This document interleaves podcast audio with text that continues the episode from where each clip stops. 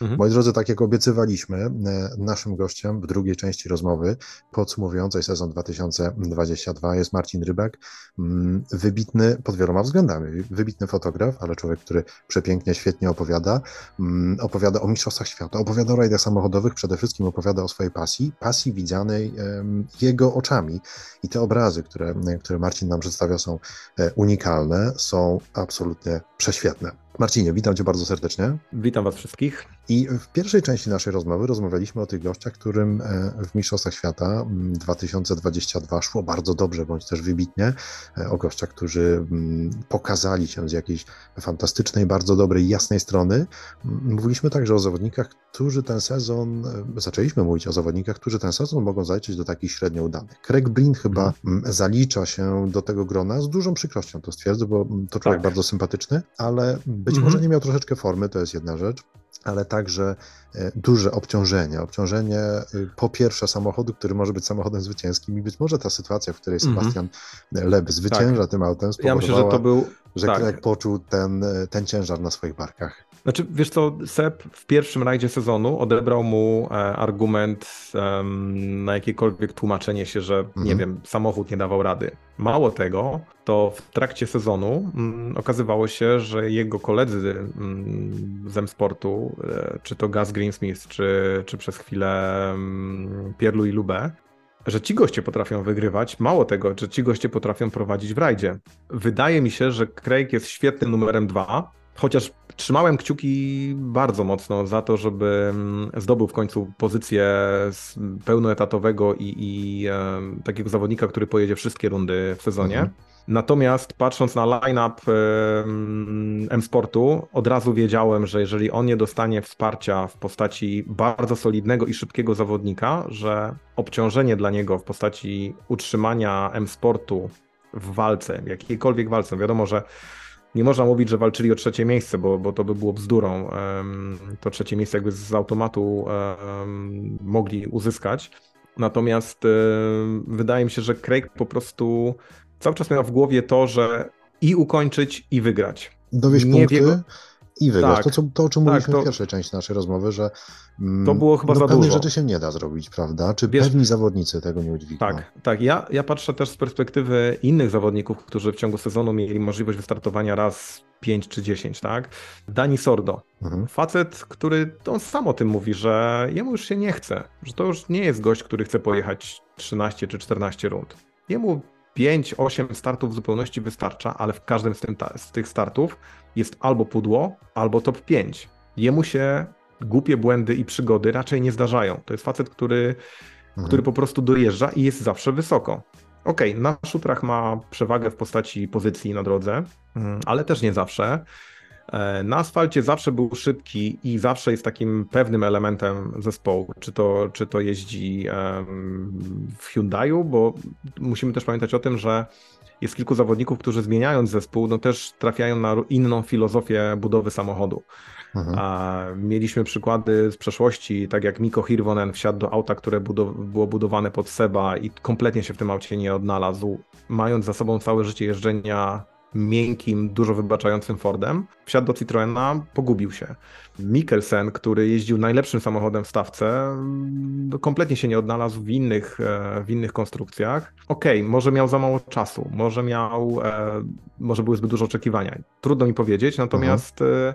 musimy pamiętać o tym, że są zawodnicy, którym pewne konstrukcje mogą nie leżeć. Dla mnie jest to ja nie lubię tego tłumaczenia, nie, jakby prywatnie, zupełnie nie, nie odnosząc się do tego, jak wygląda komunikacja PR-owa czy zespołów, czy prywatnych um, oficerów prasowych.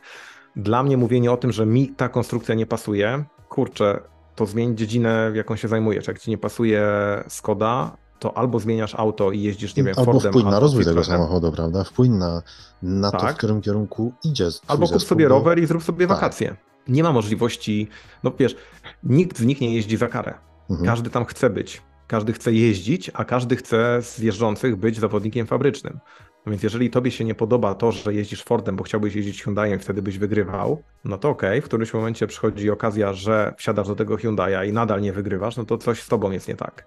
I, i tutaj w wypadku Craiga, ja wiem, że to jest chłopak, który na pewno ma prędkość, ale wydaje mi się, że on lepsze wyniki będzie uzyskiwał jako trzeci um, zawodnik Hyundai'a, niż byłby w stanie wygrywać jeżdżąc kolejny rok e, w Fordzie. Mhm. Omijam już fakt tego, czy ten Ford będzie na tyle konkurencyjny w nowym sezonie. Zakładam, że będzie, bo, bo tam są um, jakby. Dla mnie Ford jest zawsze dowodem na to, że nie mając budżetu z gumy, można budować fajne samochody i można budować samochody konkurencyjne. I ładne samochody, prawda? I ładne, tak. Bardzo ładne samochody takie, mm, co też Dokładnie. jest ważne, jeżeli chodzi o rajdy samochodowe. Zauważ, że no w ostatnich latach naprawdę Ford pozytywnie, tak, nie, nie... impuls zaskakiwał e, tą agresywnością, jak, muskularnością. Tak, nawet jak samochód, tak, nawet jak samochód nie wyglądał z, w momencie wyjęcia go z formy e, mhm. kar karbonowo-kewlarowej, nawet jeżeli nie, od razu nie wyglądał spektakularnie, to malowanie miał takie, że, że naprawdę czapki z głów. I myślę, że w przyszłym roku będzie dokładnie to samo, zwłaszcza, że raczej zespoły fabryczne Toyota i Hyundai pozostaną przy swoich standardowych barwach, co, co też uważam jest pewnego rodzaju, może nie lekceważeniem, ale takim dowodem na to, że korporacyjne myślenie nie bierze pod uwagę e, tego, co się dzieje w środowisku social media, tak? A szkoda, Myślę, że... prawda? Tak, tak. E, nie wiem, czy widziałeś, nie wiem, czy widziałeś projekt malowania Pumy, mm, a teraz Skody François Delecoura, który, który zgłosił się do rajdu Monte Carlo. Malowanie, które wykorzystuje kolory, które już znamy, bo czarny plus taki fluorescencyjny żółty, ale ten samochód wygląda tak, no nawet jeżeli facet będzie ostatnim, to się będzie na niego czekało na odcinku, żeby zobaczyć to malowanie. Absolutna petarda. Oczekiwałbym od zespołów fabrycznych, żeby zrobili coś, co dałoby podstawę do tego, żeby wieszać ich plakat na ścianie. No bo tak, to... umówmy się, tak, umówmy się, że w tym momencie i Toyota i Hyundai, jak mają zdjęcie, mm, czy render właściwie, bo, bo tych zdjęć już się raczej nie robi, ale powiedzmy, jeżeli to jest render przedsezonowy nowego malowania, e, no ja bym tego na ścianie nie powiesił. Tam nie ma niczego, co by przemawiało, że wow, że to jest w ogóle najfajniejszy samochód na świecie. Mało tego, nawet nie ma, nie ma jakiegoś elementu, który mm, w sposób taki jednoznaczny mm, powoduje, że jesteśmy w stanie odróżnić. Tak, to był sezon tak. 2021, to był 2020, to był 2022. E, sezon mało tego, Kalego, prawda? Mało tego, to dla mnie już w ogóle karygodną rzeczą jest to, że samochody w obrębie danego zespołu nie różnią się niczym, mhm. bo okej, okay, ja jestem w stanie sobie na wyświetlaczu mojego aparatu, mam dużo pikseli, więc mogę to zrobić, mogę sobie powiększyć i zobaczyć um, numer rejestracyjny, ale fakt tego, że na przykład wszystkie trzy Toyoty fabryczne, bo okej, okay, Takamoto miał, miał e, odrobinę inne naklejki, ale wszystkie trzy fabryczne Toyoty różniły się e, paskiem na lusterku grubości 6 mm, gdzie samo lusterko już wygląda tak, że prawie nie wygląda, bo to jest mhm. jakiś tam pasek karbonu bez lakieru e, przymocowany do drzwi. Jeżeli mamy sytuację, w której trzecie auto ma biały pasek, drugie ma żółty, a Kale jeździ w ogóle bez tego paska, no to umówmy się, że jeżeli mamy rajd z szykanami, na przykład mhm. taka Belgia, to na 10 kilometrze pierwszego odcinka w pętli to auto już i tak nie ma lusterek. tak, nie wiemy kto jedzie, tak naprawdę. I nie wiemy kto jedzie. I mhm. już sam fakt tego, że jeżeli nie widzimy auta z boku, nie widzimy numeru i te auta się nie różnią niczym, tak jak w przeszłości na przykład, nie wiem, były malowanie e, wlotów powietrza, czy, czy jakieś elementy karoserii, które można było jednoznacznie zidentyfikować, to już jest takie no nie, nie, w dzisiejszych czasach. To nie, to nie przystaje do dzisiejszych czasów, kiedy moglibyśmy jednym kliknięciem od razu wiedzieć, co jest grane, e, kto jest na arenie i, i jak to wygląda.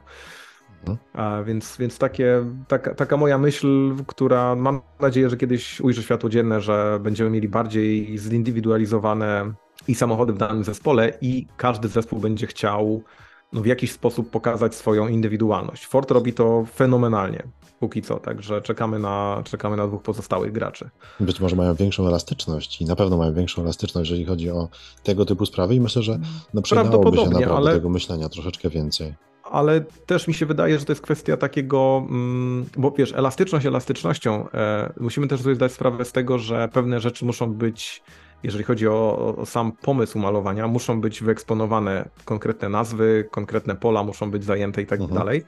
E, natomiast odrobina ukłonu w kierunku kibica, gdzie moglibyśmy z roku na rok mieć ten efekt wow. Wiesz, dla mnie do końca sezonu Ford, jak widziałem go pod koniec sezonu na kilku eventach na szutrowym zawieszeniu. Ja go potem zobaczyłem w Japonii z powrotem na, czy tam w Hiszpanii z powrotem na, mm, na dużych kołach na asfalcie.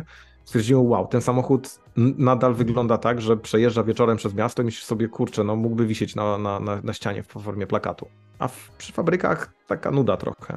Trochę nuda. Toyota buduje hmm. świetne e, samochody rajdowe, tak. bardzo szybkie samochody rajdowe, mistrzowskie daje, samochody tak, rajdowe. Daje do M-Sportu do malowania. Tak. Dokładnie, pomyślcie no, troszeczkę ale, nad tymi, nad tymi tak. kwestiami. Natomiast wiesz co, wracając do, do, mhm. tych, hmm. do tych rózg przysłowiowych. E, komu najbardziej wyszło, słuchaj? Komu, komu ten sezon według hmm. ciebie zupełnie nie wypalił? Kto znalazł się nie w tym miejscu, w którym wiesz się co? znaleźć ja powinien? mam Mhm. Ja mam chyba tylko dwa nazwiska, które, które przychodzą mi do głowy jakie takie, jako takie anty bądź, bądź ewidentne minusy.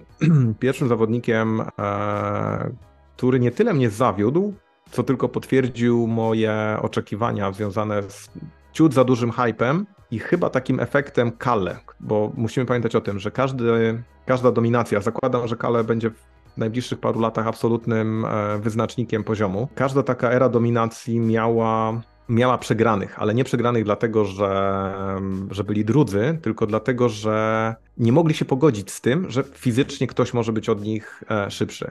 I tutaj e, Oliver Solberg, chłopak, mhm. który. To nie jest duże zaskoczenie. Mhm. Tak, w podobnym wieku, e, w bardzo fajnie rozwijającej się karierze, bo umówmy się, że jeżeli chłopak mając lat 14, 15, wsiada do 600-konnego Citroena rallycrossowego i czy później Volkswagena i kręci naprawdę fajne czasy, jest konkurencyjny, każdy ma oczekiwania takie, no dobra, Kale chwilę wcześniej jeździł tylno-napędową Starletą, e, ten wsiada tutaj do 600-konnego auta i je ogarnia.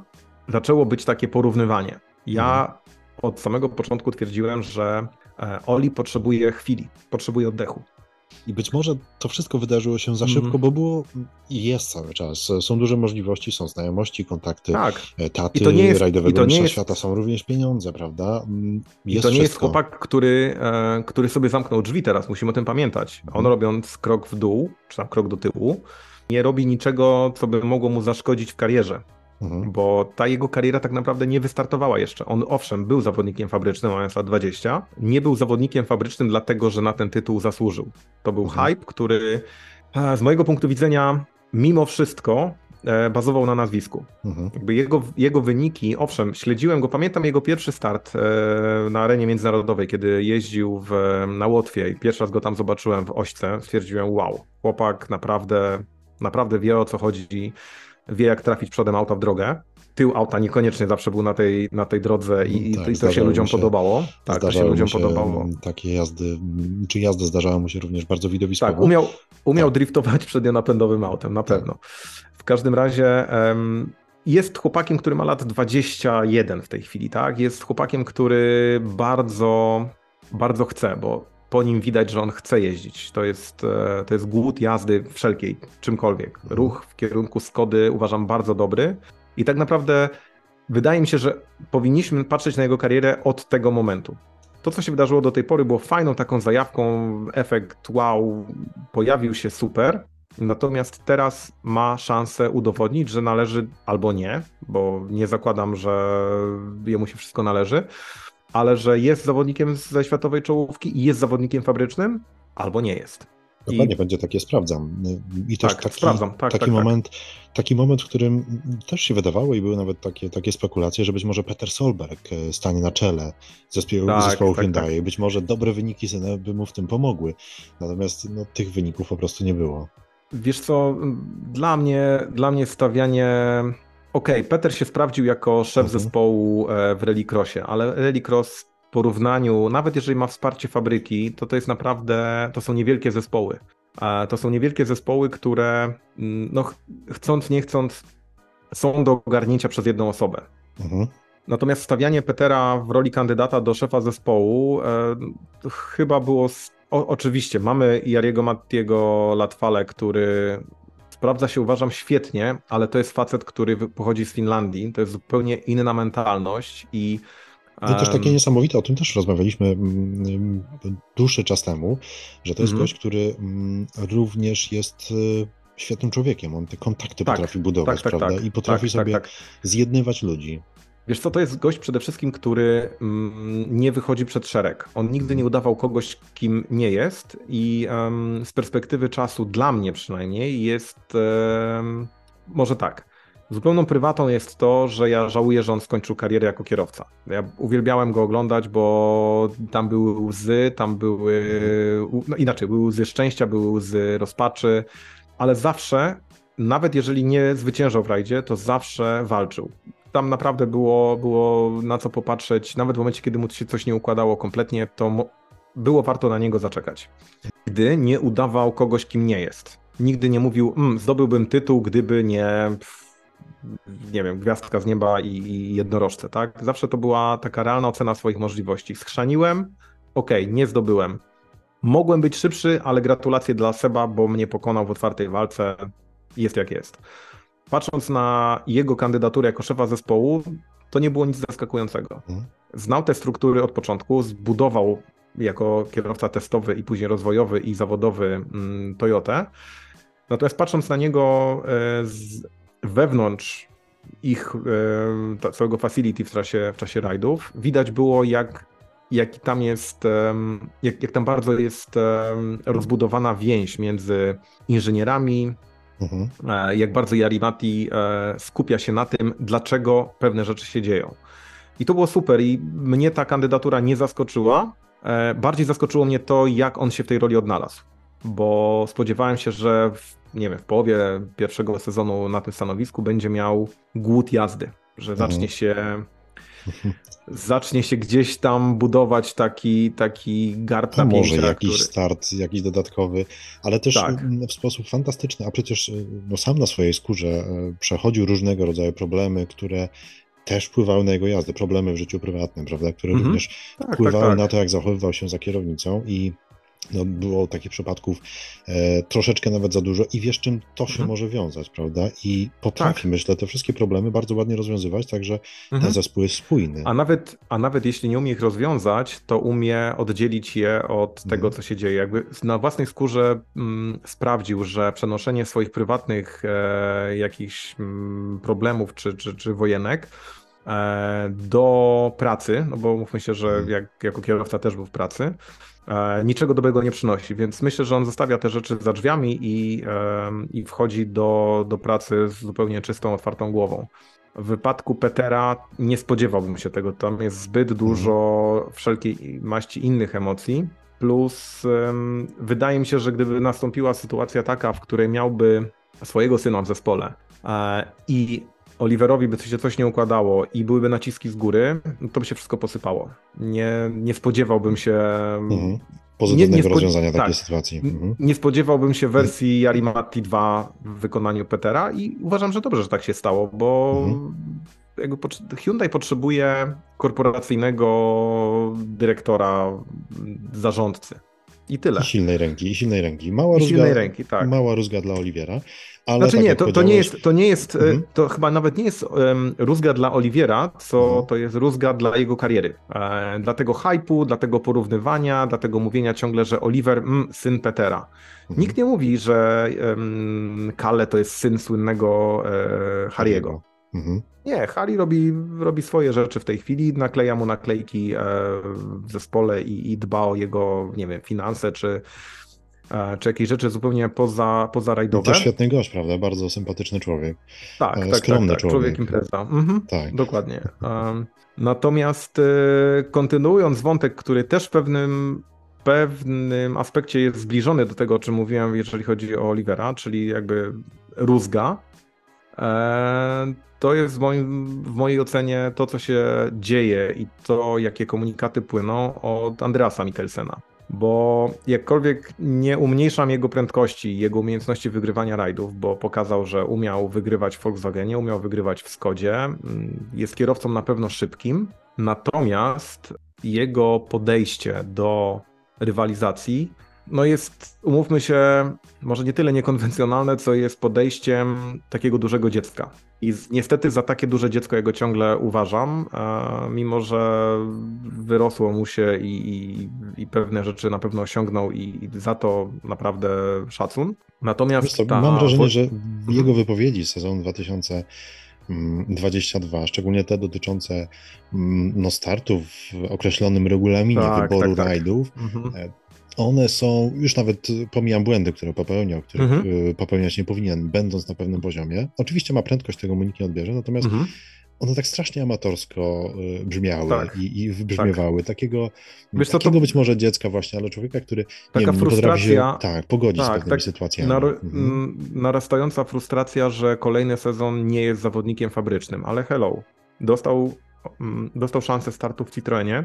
Nie wykorzystał tego, prawda? W sposób... To nawet nie, nawet nie tyle nie wykorzystał, mhm. co zaprzepaścił ją zanim ona się jeszcze zaczęła, dlatego że pamiętam doskonale, jak zaczął narzekać na to auto po testach przed pierwszym startem. Jeżeli szukasz miejsca w zespole, to weź co ci dają i udowodnij, że jesteś w stanie być szybszy od kolegi z zespołu. Stara zasada w Formule 1. Pokonaj najpierw kolegę z zespołu i wtedy możesz mówić o tym, czy jesteś szybki, czy nie. Jak mhm. przegrywasz z gościem w tym samym samochodzie, no to trochę, trochę zaczyna ci życie odejmować argumentów. Natomiast z Andrasem jest jeden problem, mianowicie taki, że on aspirując do miana kierowcy fabrycznego e, i mówiąc o tym, że liczy na fotel w fabryce, mm, on sam siebie pozbawia pewnych argumentów. I mówienie o tym, że załóżmy, że tytuł zdobyty, gdyby go zdobył Kajetan, będzie tylko i wyłącznie takim tytułem logistyka, mhm. albo, albo mm, gościa, który dobrze obejrzał kalendarz, a nie tego, który naprawdę jest e, szybki. Chwilę wcześniej Andreas przez rok testował ogumienie Pirelli. Zrobił e, Citroen, eks-fabrycznym Citroenem zrobił, tego co pamiętam, chyba było 3,5 tysiąca kilometrów. Nikt nie powiedział słowa, że facet wsiada z najechanym e, takim dystansem mhm. do samochodu i będzie jeździł na tych oponach, którzy, których inni kierowcy nie znają. No więc jeżeli jeżeli się wydarzają takie rzeczy, no to mhm. kurczę, bądźmy szczerzy nawet względem siebie, bo już nie mówię względem, do ludzi, względem ludzi, którzy mogą tego nie śledzić, ale chłopaku, miałeś szansę testować opony i wjeździć się w nie jak nikt inny. To dlaczego teraz narzekasz? Tak, tak, że ktoś ma, nie wiem, bardziej szare albo bardziej zielone auto. To nie no ma to jest zaskakujące. To jest zaskakujące i myślę, że, że to są takie głosy kierowcy mocno sfrustrowanego w tej całej sytuacji, tak, także dziwiłem tak. się i dziwię się cały czas. Mm, I jednak zespołowi Skody, którym to jest fabrycznym kierowcą, mówmy się. Mm, Wiesz co, ja myślę, że w ich wypadku. Sportu, tak. Ja myślę, że w ich wypadku to bardziej jest um, chęć posiadania wygrywającego kierowcy za wszelką mhm. cenę niż e, posiadania kierowcy identyfikowalnego z marką, bo gdyby mieli go mieć jako takiego ambasadora, jako twarz, to mają, mhm. tak, to mają Kopeckiego, mają e, w tej chwili Emila Lindholma, który, który fajnie się rozwija. Natomiast no, w wypadku Andreasa jest to gość, który ma już ugruntowaną jakąś tam swoją pozycję, ma, ma osiągnięcia, i chyba to jest taki, taki argument dla takiego zespołu jak Toksport i Skoda, no mówmy się, że to jest taki semifabryczny mm, zespół. Natomiast szkoda, że on nie potrafi się odnieść do. On trochę brzmi, jakby zapomniał skąd przyszedł. Mhm. On brzmi jak facet, któremu na tacy kiedyś podano miejsce w fabryce, udowodnił, że na, na nie zasługuje i koniec. A przecież on też mając lat 17 czy 18 gruzował kolejne fokusy WRC, bo go na to było stać. Eee, wiesz, jest jeszcze kwestia tego typu, narzekając na e, kalendarz i na wybór rajdów, w których startujesz, on nigdy nie powiedział słowa, że był jednym z bardzo niewielu, albo wręcz jedynym kierowcą samochodu e, klasy R5, który startował w Monte Carlo. Szkoda, że Andras troszeczkę zapomina, prawda, o tej swojej przeszłości, ale też mhm. no ewidentnie on też poczynił pewien krok. No, przechodząc przecież z dużego WRC i, walcząc wśród chłopaków, którzy marzą o tym aucie, mm, mając ogromne doświadczenie przecież i w zespołach fabrycznych, przejeżdżając e, e, tysiące, setki, dziesiątki tysięcy kilometrów OS-owych naprawdę przeróżnymi samochodami, mm, to troszeczkę nie fair. Ja jeszcze bym zrozumiał um, sytuację, w której on by był, tak jak powiedziałeś, bez tego feedbacku, be, bez tego zaplecza w postaci startów fabrycznych gdyby po prostu był mega utalentowanym kierowcą, który dobija się mhm. do, do zespołu fabrycznego. Sytuacja analogiczna, jaka jest na przykład, nie wiem, z Lindholmem. Młody chłopak, który mm, owszem, miał wsparcie w postaci ojca, wielokrotnego mistrza Finlandii, ale tak naprawdę wszystko, co zademonstrował za kierownicą, zademonstrował własnym sumptem. Tam nikt mu nie pomagał. Jeździł E, jeździł na gorszych oponach, jeździł e, tylko w lokalnym czempionacie, ale budował swoją pozycję. Jak przyszło co do czego i miał okazję mm, wystartować w pełnym cyklu WRC2, no to pokazał, że tytuł na koniec roku jak najbardziej zasłużony, bo, no bo udowodnił, że jest, jest szybkim kierowcą. W wypadku Andreasa e, jest ten problem, że owszem, on nie ma wytłumaczenia dlatego, że dla, dla faktu, że z kimś przegrał on powinien wygrywać w tej kategorii z każdym, bo jest eksfabrycznym kierowcą. Patrząc na to z tej perspektywy, tłumaczenia e, w postaci właśnie albo ktoś lepiej obejrzał kalendarz, albo ja nie mam takich możliwości i tak dalej, to są takie tłumaczenia, które może nie tyle są dziecinne, ale są tłumaczeniami, które bardzo łatwo obalić. E, owszem, ktoś ma ochotę wystartować w Japonii albo w trzech ostatnich rundach, bo ma na to ochotę, bo nie wiem, ma na to budżet. Bo by się tak no na przykład drugiej... rozmowy poukładały, budżety, bo się coś znalazło, tak. bo, mm, no bo logistycznie. Bo logistycznie myśli, to, to, to miało Takie sens, są regulaminy, tak. prawda? Dokładnie. Wiesz, patrząc na to z perspektywy Kajetana, też wydawało mi się, że niezbyt rozsądnym był, nie, niezbyt rozsądną była decyzja o mm, opuszczeniu rajdu Akropolu, w którym zawsze dobrze mu szło. Mhm. No ale to, to były konsekwencje podjęcia decyzji o tym, że jedziemy do końca sezon e, i pewne, pewne logistyczne przedsięwzięcia musiały być tak zaplanowane, że no, pewne fakty w kalendarzu musiały zostać pominięte. Mhm. I, I dla mnie całym problemem w, w tych komunikatach, które, wynika, które wypływały od Andrasa, było to, że to było deprecjonowanie nie konkretnego zawodnika, chociaż oczywiście wiadomo było do kogo pił i, i, i gdzie tutaj leżał problem, ale to było deprecjonowanie w ogóle tej kategorii. Dlatego, że jest kilku zawodników, którzy, załóżmy, radzą sobie lepiej na szutrze, albo są zawodnicy, którzy radzą sobie lepiej na asfalcie. I wiadomo, że oni nie będą dążyli do tego, żeby startować Bóg wie w jakiej liczbie eventów, bo w części sobie nie poradzą. I ogranicza ich budżet ale... na przykład również. I tak, dokładnie, mhm. ogranicza ich budżet, ale z drugiej strony mamy też zawodników, którzy wiedzą, że na przykład są szybszy na, szybsi na asfalcie i wybierają sobie Monte, wybierają sobie Chorwację, Katalonię i Japonię na przykład i do tego dokładają dwa starty na mm, szutrze, bo ile tych punktów zdobędą na szutrze, tyle zdobędą, ale jeżeli zakładają, że pojadą, nie wiem, załóżmy Safari, gdzie będzie pięć załóg w klasie, no to te punkty jakiekolwiek zdobędą, będą konkretne. Mhm. Jak pojadą e, w Finlandii, no to tam mamy, nie wiem, 20 zawodników w autach R5 i, i tam o punkty jest potwornie ciężko. Dlatego e, krytykowanie sposobu wybierania rajdów jest e, no, taką metodą. Ja nawet nie chcę tego traktować jako usprawiedliwianie swojej niemocy zdobycia tytułu, bo facet miał wszystkie atuty w, w ręce, Dokładnie. wszystkie karty, mhm. tak, mógł zagrać tymi kartami jak chciał. E, tak się zdarzyło. No, jest 7 startów. W 7 startach możesz zdobywać punkty, w 6 właściwie zdobywasz punkty z, z 7, do których możesz być zgłoszonym. Każdy wybrał te starty, które były mu na rękę, albo te, w których czuł się mocny. On wybrał te, w których, nie wiem, załóżmy, zespół zadecydował, że on pojedzie, ale to jest zawodnik eksfabryczny, który powinien być najszybszy na każdych. Gdzie się nie e, pojawi. Każdych, Zdecydowanie. Tak, w każdym mhm. evencie, na każdej nawierzchni. Więc narzekanie, że o, bo tutaj było mniej, mniej konkurentów, a tutaj było więcej, a tutaj to śmoowo. Kurczę, sezon ma 13 hmm. rund, mamy 7 do wyboru i tyle. Jesteś tak najszybszy, to, to bądź najszybszy. I to nie jest żadna nowość w regulaminie. Tak, w to nie jest żadna nowość. Bo tak, od wielu, tak. wielu lat, y, także w krajowych mistrzostwach, tego typu mm, przepisy mają zastosowanie. Naturalnie przechodzimy zatem do mm -hmm. kategorii WRC2. E, tak. Być może mm, no, ta kategoria była uważana przez wielu poprzez te wszystkie rozdziały, które do sezonu 2021 e, miały miejsce za mm, kategorię, która, no to są kierowcy fabryczni, to są kierowcy mm, prywatni, mhm. 2022 ten sezon, połączone siły. unifikacja, tak. Unifikacja.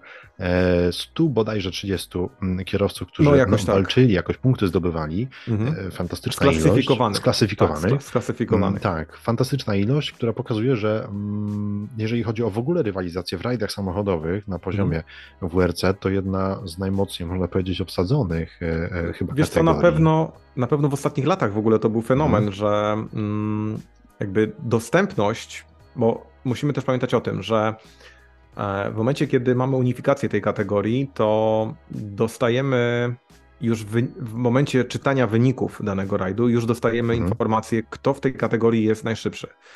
Wcześniej było tak, że tutaj kategoria ta WRC 2 czy 3, tutaj open, tu nie open i tak dalej. Okej, okay, dla mnie jako osoby, która siedzi w tym sporcie i, i, i, dla osób, które naprawdę śledzą każdy, każde wyniki, każdy odcinek osobno, mm, było wiadomo, że porównujemy po prostu kategorię e, aut R5 i nieważne, czy ktoś jedzie jako fabryczny, niefabryczny, nieważne. E, od momentu, kiedy mamy unifikację, skończyło się, skończyły się wytłumaczenia, że a, bo ja jechałem w innej kategorii. Nie. Startujesz tym autem, walczysz z najlepszymi. Co ciekawe, dla mnie na przykład drugie miejsce Kajetana w tym roku w rajdzie Chorwacji było wyżej jecenie niż zwycięstwo w zeszłym roku. Mhm. Dlatego, że w zeszłym roku jechał w swojej kategorii. Było to WRC 3. W tym roku jechał w kategorii, czy tam. Połączonej, WRC... tak. Tak, mhm. tak. Teraz jechał połączonej, miał wszystkich przed sobą, za sobą.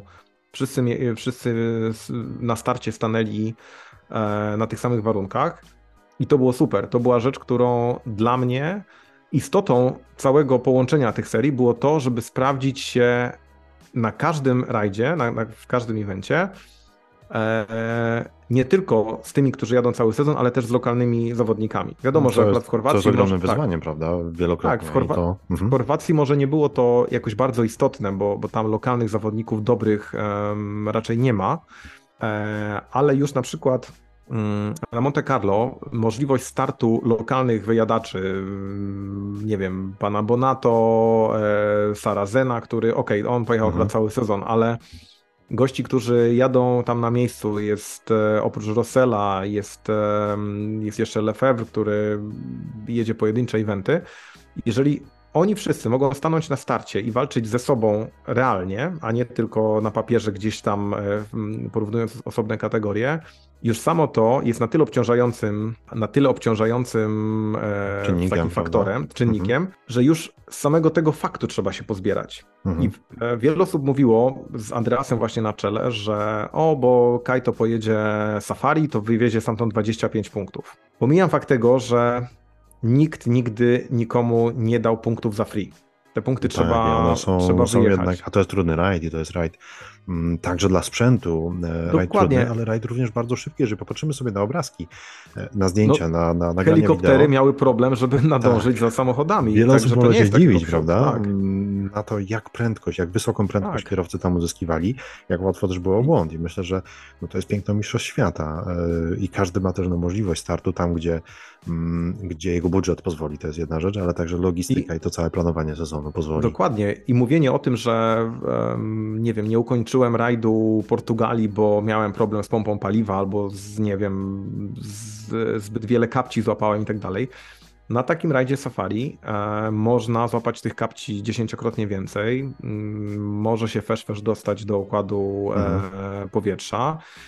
E, no, tysiąc rzeczy się może wydarzyć. Poza tym jest jeszcze kwestia tego typu, że każdy rajd, który ma 300 plus kilometrów, no stając na starcie, niczego nie dostajesz gratis. Mhm. Nawet, um, nawet kwestia tego, że jeżeli powiedzmy jest, nie wiem, 8 czy 10 zawodników i teoretycznie każdy dostałby punkty, kto by z tej mhm. listy startowej, kto by ukończył, no to niektóre, niektóre przepisy mówią o tym na przykład, że jeżeli skorzystasz z trybu Super Rally, tych punktów w pewnych okolicznościach nie zdobędziesz. I nie ma możliwości negowania tego, że kalendarz jest jaki jest i można sobie wybrać te bądź inne eventy. Mm, jakby sportowy punkt widzenia u, e, uniemożliwia korzystanie z argumentu, a bo ktoś lepiej zaplanował kalendarz.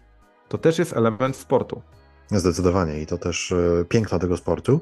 I tak. pięknem tego sportu jest to, że my możemy obserwować cały czas e, na trasach e, rajdowych Mistrzostw Świata jednego chyba z najbardziej wybitnych, najszybszych e, kierowców w historii naszego kraju, mm -hmm. Kajetan Kajetanowicz, który wspólnie z Maćkiem Szczepaniakiem mm -hmm. walczył i wywalczył w tym roku podium w Mistrzostwach Świata z ogromną szansą także na tytuł mistrzowski. Mm -hmm. To znaczy, walczyli to do samego końca. Walczyli do samego tak. końca, tak. Walczyli do samego końca i to jest jedna z rzeczy, które, o której ja rozumiem, że on zakończył tę walkę do samego końca na samym początku, bo, mhm. bo tak naprawdę na pierwszym normalnym odcinku e, specjalnym e, mieli, mieli przygodę. Swoją drogą to też jest, też jest absurd, że w kraju takim jak Japonia, gdzie wydaje się, że elektronika zdominowała każdy aspekt życia, co oczywiście nie jest prawdą, bo okazało się, że nastawiony na to, że nie wiem, płacenie plastikiem będzie absolutnie na każdym kroku. Okazało się, że gotówka jest w ogóle 95% sytuacji. Tak, tak że, że tylko gotówka pozwala, nie wiem, zjeść, e,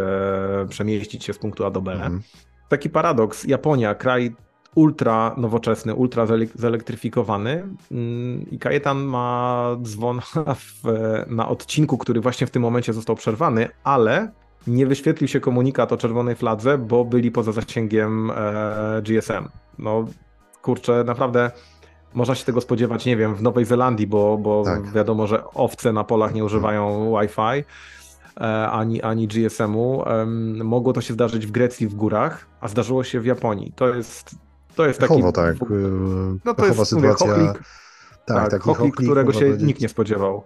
Wiele rzeczy, które, które no złożyły się na, na, tak. na taki, a nie inny obraz sytuacji, ale... Stało się jak się stało i... i... Ale Kajetan walczył do końca, to mi się podoba. Dokładnie, że, dokładnie. Że I powiedzieli, dobra, więcej, mamy podium, walczymy, prawda? Powiem więcej, że to też jest niesamowite, że na przykład jadąc do takiej Nowej Zelandii, no mówmy się, ktoś, kto obserwuje mm, ktoś, kto obserwuje ten sport i śledzi wyniki, wiedział, że teoretycznie Kajetan nie miał szansy na podjęcie równorzędnej walki mhm. z Haydenem, który, który jechał u siebie. E, który ten rajd wygrywał w przeszłości w, w aucie podobnej klasy, bądź wręcz tej samej klasy mm, w regionalnych mistrzostwach. Znał te mhm. odcinki naprawdę bardzo dobrze, a jednak trzeba mi pamiętać o tym, że ktoś, kto jedzie u siebie, ma dodatkową presję. I Kajetan wiedział, że jeżeli zacznie jechać zbyt wolno i zacznie być objeżdżany przez, nie wiem, Batesa czy, e, czy innych kierowców z Nowej Zelandii, w momencie potknięcia się Haydena straci bardzo realną szansę na 25 punktów. Mhm. Więc je, z jednej strony nie mógł jechać tam 100%, nie mógł jechać e, absolutnie o każdą sekundę, musiał dojeżdżać. Ja sobie próbuję wyobrazić, jakim to jest obciążeniem, czując się świetnie, mając przygotowane auto, mając super opony, nie móc jechać absolutnie flat out. To musi być naprawdę. Zresztą wszyscy kierowcy fabryczni o tym mówią. Jak zaczynam jechać wolniej, bo muszę oszczędzać wynik, to zaczynam popełniać błędy.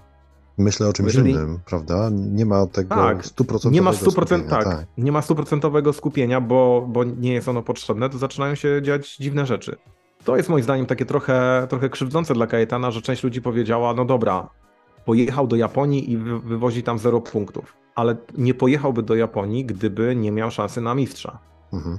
Bo Kajetan sam to powiedział, że jeżeli okazałoby się na przykład, że już nawet matematyka nie pozwala na zdobycie tego tytułu, to chyba odpuściłby sobie ten wyjazd, chociaż oczywiście, że logistyka zadecydowała, że auto już tam czekało i tak dalej. Też trzeba o tym pamiętać, że to są rzeczy, które obciążają zawodnika. To nie jest tak, że oczywiście na początku sezonu możemy sobie stanąć na starcie i powiedzieć, dobra, zaczynamy od czystej kartki flat out. Ale jeżeli zgruzujemy auto już na pierwszym rajdzie, no to wiadomo, że nam się zaczyna budżet kurczyć. Zdecydowanie, ale mówimy... I, i to są... Mhm. To nie są decyzje, które możemy oceniać z perspektywy jednego startu, zwłaszcza takiego jak mhm. Nowa Zelandia, takiego jak Japonia, czy, czy nawet patrząc na, mm, na zagęszczenie tych rajdów w ciągu, w ciągu sezonu w kalendarzu, bo, bo pamiętajmy o tym, że to nie jest tak, że jedziemy, mm, powiedzmy, nie wiem, rajd Estonii, a za hmm. dwa tygodnie mamy rajd Finlandii. To znaczy, że auta Stalina mają przejechać do Helsinek e, promem, a potem, potem się przetransportować do Iwaskiela.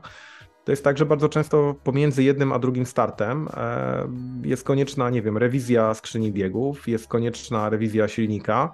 Potrzebne są jakieś adaptacje tego samochodu do danych warunków, bo na przykład e, okazało się, że auto jest, nie wiem, zbyt wolne, a nie mamy mhm. szybszej skrzyni i tak dalej, i tak dalej. Więc z mojego punktu widzenia ocenianie pojedynczego startu poprzez pryzmat tylko tego jednego startu mm, no jest, jest nie fair.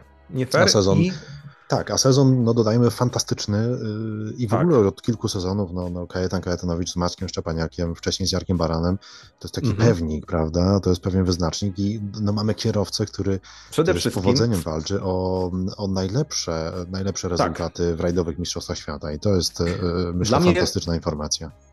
Dla mnie, jeżeli, jeżeli chodzi o Kajetana, to jest jeszcze jedna rzecz, która mnie ona bardzo motywuje. Abstrahując od moich, moich relacji z Kajetanem i tego, czy się lubimy, czy nie. Kajetan jest dowodem na to, że pracując nad sobą, można w pewien sposób oszukać metrykę. Jesteśmy w tym samym wieku, i ja wiem, jak trudno jest mi e, czasami ruszyć tyłek i przyłożyć się do jakichś ćwiczeń, wiedząc, że mam na przykład przerwę w wyjazdach i powinienem zadbać, nie wiem, o plecy. E, no po prostu popracować nad sobą. Będąc kierowcą i wiedząc o tym, że z upływem czasu mm, spada refleks, spada mm, nawet kwestia postrzegania sferycznego i, i no, umówmy się, lepiej nie będzie. Może być tylko gorzej. I teraz od nas zależy, czy to gorzej nastąpi z dnia na dzień, czy będzie postępowało bardzo powoli, bo nad sobą pracujemy. Praca, którą wykonuje Kaito nad sobą, jest rzeczą, którą trzeba docenić, bo, no bo pokazuje, że, że można być w topowej formie, w, nawet w wieku, który teoretycznie już tej topowej formy nie gwarantuje w żaden sposób. Nawet do, doświadczenie... na kwestie, kwestie zdrowotne, zauważmy tak, na to. No, tak. No, wielość, mnogość podróży i sam chyba o tym się dobrze przekonujesz, że, że tak. um, łatwiej jest złapać nie wiem, przeziębienie, łatwiej jest Wiesz, e, dla mnie jest jeszcze słabość, jedna... spadek odporności. Tak, zobacz, e, taka Japonia. Mm, ja wiem, że jest, był to bardzo specyficzny wyjazd, ale porównując go z Nową Zelandią, lecąc do Nowej Zelandii, mm, Keitan powiedział, że owszem, miał jetlag, miał problem z adaptacją do snu, ale dopiero w Japonii poczuł to e, dużo dotkliwiej. Dla mnie na przykład Japonia, przyleciałem tam kilka dni przed rajdem, e, dla mnie Japonia była koszmarem. Ja przez pięć pierwszych nocy spałem po dwie godziny. I o ile nie byłem zmuszony do jakiegoś super główkowania, co, co, co robić ze swoim życiem w ciągu tych pięciu dni, ale, ale to się nakładało. To się nakładało i jadąc na odcinek testowy, naprawdę modliłem się, żeby, nie wiem, ktoś zadzwonił do biura rajdu, powiedział, że jest bomba i żeby ten odcinek odwołali, bo, no bo ja miałem problem z koncentracją, tak? Dla mnie było, to było ciut za dużo. Ciut za dużo, I patrząc, tak. tak mhm. patrząc na to z tej perspektywy, E, to też nie jest tak łatwe do, mm, do, do opisania, dlaczego ten rajd na przykład był trudniejszy dla mnie. No choćby dlatego, że się nie mogłem wyspać. Albo dlatego, że sobie gorzej radzę z wysoką temperaturą, albo z niską, albo nie wiem, na przykład e, rzecz, o której się też niewiele mówi. Mm, rajd, e, rajd Szwecji w tym roku, podobnie mhm. jak rajd arktyczny, ma to do siebie, że ponieważ słońce nigdy nie wstaje wysoko, zenit jest tak mhm. jak u nas o godzinie, nie wiem, 15, to tak wygląda Słońce w zenicie, że są to dwa rajdy, na których bardzo dużym problemem jest oślepianie, oślepianie przez słońce załóg w samochodach. Mhm. I jak zobaczyłem po raz pierwszy, jak wygląda oklejenie szyby dla zawodników fabrycznych, to się okazało, że połowa szyby jest zaklejona czarnym duct tape'em. Mhm bo chłopaki sobie inaczej nie radzą. Wiesz, e, mamy oczywiście daszki w, mm, w kaskach, ale to też jest takie. To nie wystarcza. Tak, to, to, tak, to jest rozwiązanie chwilowe, natomiast e, trzeba sobie z tym radzić. I są zawodnicy, którzy sobie, którzy sobie z tym radzą świetnie, są tacy, którzy sobie z tym nie radzą. Tak samo jak jedni jeżdżą super po zmroku w sztucznym świetle i są tacy, którzy po prostu wiedzą, że jak zapada zmrok, no to noga z gazu i, i już. Także I tutaj... też piękno, tak, piękno rajdów samochodowych, tak. ale też no. to, o czym mówisz, y, Kajetan, no świetnie, mm, świetnie sobie z takimi, również z takimi aspektami walczy, na tyle świetnie, że no jest przez kierowców fabrycznych, kolejny czy też tak. eksfabrycznych jest postrzegany jako no, no gość, tak. który im zagraża po prostu. I, I, wiesz, mówienie o tym, że nie wiem, Kajetan nie jest zdolny do, mm. do jeżdżenia flat out i na przykład, okej, okay, bezsprzecznie Lindholm na poszczególnych odcinkach był od Kaitana szybszy. No bo jest młodym zawodnikiem, który być może też nie myśli o tym, że w domu czeka żona, dziecko, mm, który też może myśli, że jeżeli teraz udowodni, że jest hiper szybki, to zdobędzie miejsce w fabryce. Mhm. Kaitan już tego ciśnienia nie ma. On wie, że fabryka to już nie ten etap kariery, um, że ma do kogo wrócić, że absolutnie nie jest to jazda o życie, tylko ma być wynik i, i, i tyle. Poza tym też trzeba pamiętać o tym, że um, nigdy w wypadku Kajetana nie było mowy o tym, że jego wynik, który uzyskuje, że ten wynik go nie satysfakcjonuje. Kajetan nie jest osobą, która narzeka. Pojechałem na piąte miejsce, ok, liczyłem, że będzie wyżej, tak jak było w Estonii. Liczyłem, że się włączę do walki, ponieważ rok temu walczyłem, tak naprawdę odpadłem e, z walki o, o, o, zwycięstwo. Coś w tym roku nie, nie zagrało, ale to nie jest tak, że on nie dał z siebie wszystkiego. W danym momencie nie był w stanie jechać szybciej, kropka. Tłumaczenie, że mm, no, bo nie wiem, e, zespół przygotował zły samochód i tak dalej. Im więcej wymówek, im więcej takiego szukania winnego poza samym sobą, tym szybciej się te wymówki kończą, moim zdaniem.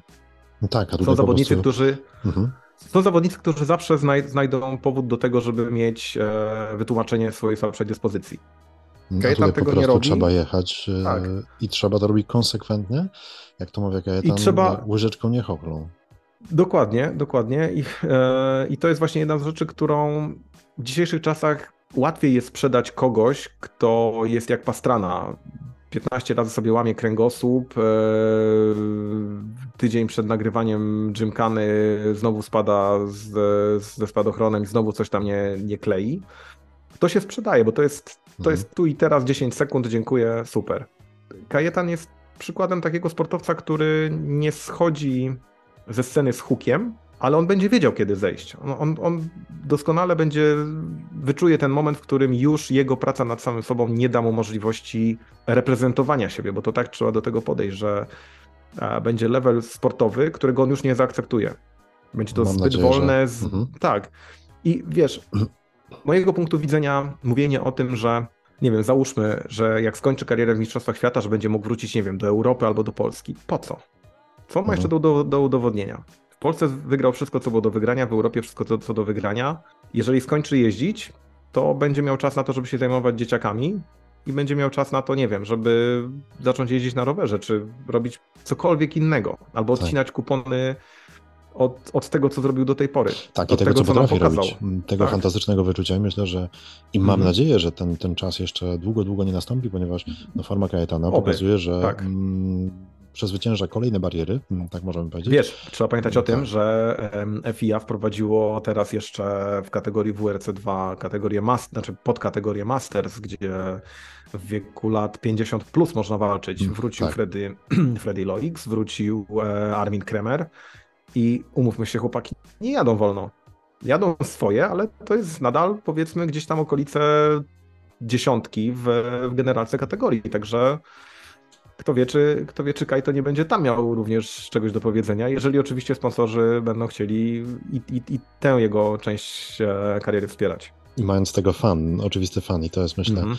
bardzo istotne. I mamy nadzieję, że mm, sezon 2023 to także udział Kajetana, mm -hmm. ale także Miko Maczyka, Szymona Gospodarczyka mm, w tejże kategorii i walka w tejże tak. kategorii. Tak co też jest, e, myślę, bardzo mhm. ciekawe, ale też no, kierowcy, którym e, no, być może ten sezon 2022 nie do końca wyszedł, e, Adrien Formo także przesiądzie mhm. się do tej kategorii, a to znaczy, że kolejny wielki konkurent tak, dochodzi. Tak, jeszcze, jeszcze nie wiadomo, co będzie z, z kilkoma innymi kierowcami, bo z tego co słyszałem, Stefan Lefebvre też ma mhm. zagwarantowany cały sezon, także kolejny eksfabryczny kierowca.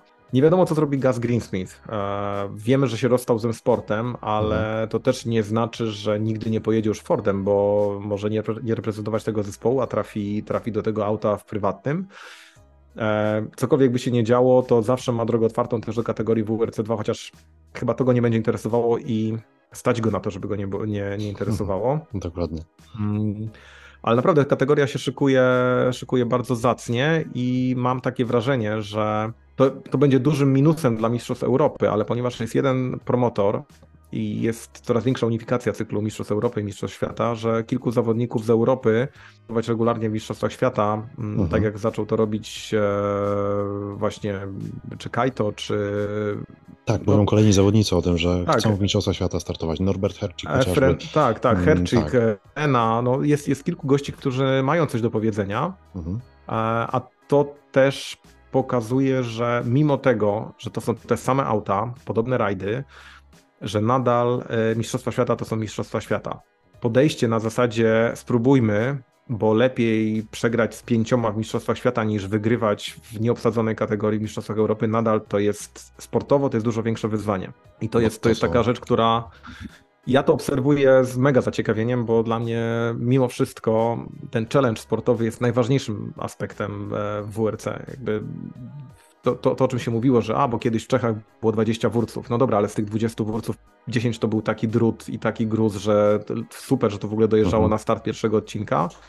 Pozostałych 5 w ogóle nie jechało, bo to byli zawodnicy, którzy mieli dojeżdżać, a tylko 5 było do obserwowania. To ja wolę 5 aut super obsadzonych i jadących flat out, niż 20 tylko po to, żeby robić um, listę. Dokładnie. Nam to do niczego nie jest potrzebne. Wiesz, najlepszy przykład Barburki. Mamy 130 załóg, E, a i tak wiemy na końcu, kto się będzie liczył w walce o zwycięstwo, bo, no bo no to jest weryfikator, to jest bardzo szybki weryfikator tego, mm, kto jest gdzie. Jak dobrze to określiłeś, bo to są Mistrzostwa Świata i ty masz przyjemność mhm. E, pracy e, na Mistrzostwach Świata i z najlepszymi zespołami, kierowcami, którzy w Mistrzostwach Świata startują. No Marcinie, nasza rozmowa zbliża się do końca. Tematów mhm. jest jeszcze kilka. Mam nadzieję, że będziemy mogli rozmawiać regularnie w trakcie sezonu 2023 ja, i że wprowadzimy ja myślę, to w życie. Że... Ja myślę, że jeżeli tylko e, widzowie, słuchacze nas będą chcieli słuchać, to jest takie moje postanowienie, może nie noworoczne, bo ono, ono się urodziło dużo wcześniej. Mm, chyba, chyba jestem u, uprawniony, może nie, to, to, jest złe słowo, ale mm, mam podstawy do tego, żeby móc się dzielić swoimi opiniami e, ze środowiska WRC w momencie, kiedy po pierwsze przekaz, który, który jest serwowany przez promotora na przykład, e, jest mhm. przekazem bardzo, nazwijmy to politycznie poprawnym. Ja nie chcę być kontrowersyjny, ale jestem w stanie przekazać Wam parę informacji, które może nie do końca e, są na tych pierwszych stronach gazet, a, a wydaje mi się, że są dość, dosyć ciekawe, bo każdy event niesie ze sobą takich detali, które są ważne tu i teraz w, w trakcie jego trwania, mhm. a nie są istotne w trakcie rozgrywania całego sezonu. A, więc myślę, że myślę, że będzie, będzie to dobra okazja do tego, żeby pogadać o rzeczach nam bliższych, nam kibicom, mhm. ludziom, którzy odmarzają sobie tyłki przy odcinkach, a niekoniecznie siedząc e, z kawką przy, przy tablecie czy laptopie i oglądając WRC+. Także a są to rzeczy niezwykle, niezwykle interesujące, zwłaszcza kiedy... Chociaż, chociaż, mhm. przepraszam, że ci przerwę, mhm. ale dla mnie rzeczą niezwykłą jest to i jakby ja się czuję staro w momencie, kiedy to się odbywa. Mhm. Mam aplikację, mam telefon, e, jestem na odcinku i patrzę jak ludzie, którzy stoją obok, oglądają ten odcinek, na, którym, na którego zakręcie stoją w danym momencie, oglądają go live, opuszczają mhm. telefon na dwie sekundy, patrzą jak samochód koło nich przejeżdża i oglądają dalej ten odcinek. Ja mam trochę ja mam trochę takie podejście, że jak te, to auto przejedzie, owszem, patrzę co wyszło ze zdjęć, ustawiam ponownie setup, ale dla mnie czas oczekiwania na ten odcinek, e, na, na, na przejazd tego samochodu na odcinku jest na tyle intensywny, że próbuję, próbuję się tym delektować. Natomiast właśnie świat zmierza w tym kierunku, że mamy wszystko naraz i wszystko w jednym, w jednym urządzeniu. Także. Jedność miejsca myślę, że... czasu również, prawda? Tak, i ben... tego wszystkiego, co się dzieje. Tak, a my będziemy mieli e, szansę na pogadanie o tych rzeczach, które właśnie nie są w tym pudełku zamknięte i będziemy, będziemy mogli trochę, trochę takich off-topicowych rzeczy przybliżyć naszym słuchaczom. I to, moi drodzy, tego sobie życzymy. Nie, tego sobie życzymy i to właśnie nie z perspektywy całego sezonu, ale z perspektywy poszczególnych rajdów, czy też grup, mhm. grup pewnych e, rajdów. Mhm. Mam nadzieję, że to nastąpi, zwłaszcza, e, że kiedy słuchamy Twoich opowieści, to to naprawdę można nie zadawać pytań, robisz to w sposób fantastyczny. To jest twój kolejny talent, Marcinie, i o tym e, już ci mówiłem ja się... i o tym powtarzać będę cały czas. Ja się dzielę z wami moją pasją, a sami dobrze wiecie, że jak ktoś ma pasję, to, to tak naprawdę wystarczy włączyć on i to się samo dzieje. Także to, że wy mnie słuchacie, dla mnie to jest mega, mega, mm, mega przy... To mi daje przyjemność w opowiadaniu o tym. Bo jakbym wiedział, że mówię do kogoś, kto słucha dlatego, że nie wiem, jest na lekcji i 45 minut musi odbębnić, to, to na pewno bym tego nie robił. A dzieląc się moimi przemyśleniami, jakimiś moimi doświadczeniami, ja mam wrażenie, że siedzimy przy jednym stole, pijemy sobie jakiś fajny napój chmielowy i jest, jest okej. Okay. Tak właśnie jest, bo, bo twoje życie to nie tylko Mistrzostwa Świata, ale także inne eventy i myślę, że o tym sobie jeszcze mm, zdążymy mm -hmm. w sezonie 2023 na pewno, rozmawiać. Na pewno. Marcinie, będzie, będzie się działo, będzie się działo intensywnego sezonu, dobrze? Intensywny dziękuję, sezon dziękuję. To, to chyba dobre życzenia na rok 2023. Tak, no zostaje, zostaje już tylko poukładać to wszystko w kalendarzu jakoś sensownie, ale zapowiadam się naprawdę bardzo, może nie burzliwy, ale na pewno emocjonujący rok, także czekam na Monte jak co roku, ale czekam też na to, co się będzie wydarzało w trakcie trwania sezonu, bo no trochę zmieniam, zmieniam punkt ciężkości. Mhm. Jakby WRC nadal zostaje, zostaje tym clue mojego kalendarza, ale będzie też się działo trochę innych rzeczy takich poza, poza WRC-owych. No i na pewno się tym też podzielę z wami. Super. Marcinie, dziękuję Ci bardzo za przyjęcie zaproszenia do naszej audycji. Ja Wam dziękuję. Dziękuję Ci serdecznie i do zobaczenia, do usłyszenia. Do zobaczenia, do usłyszenia.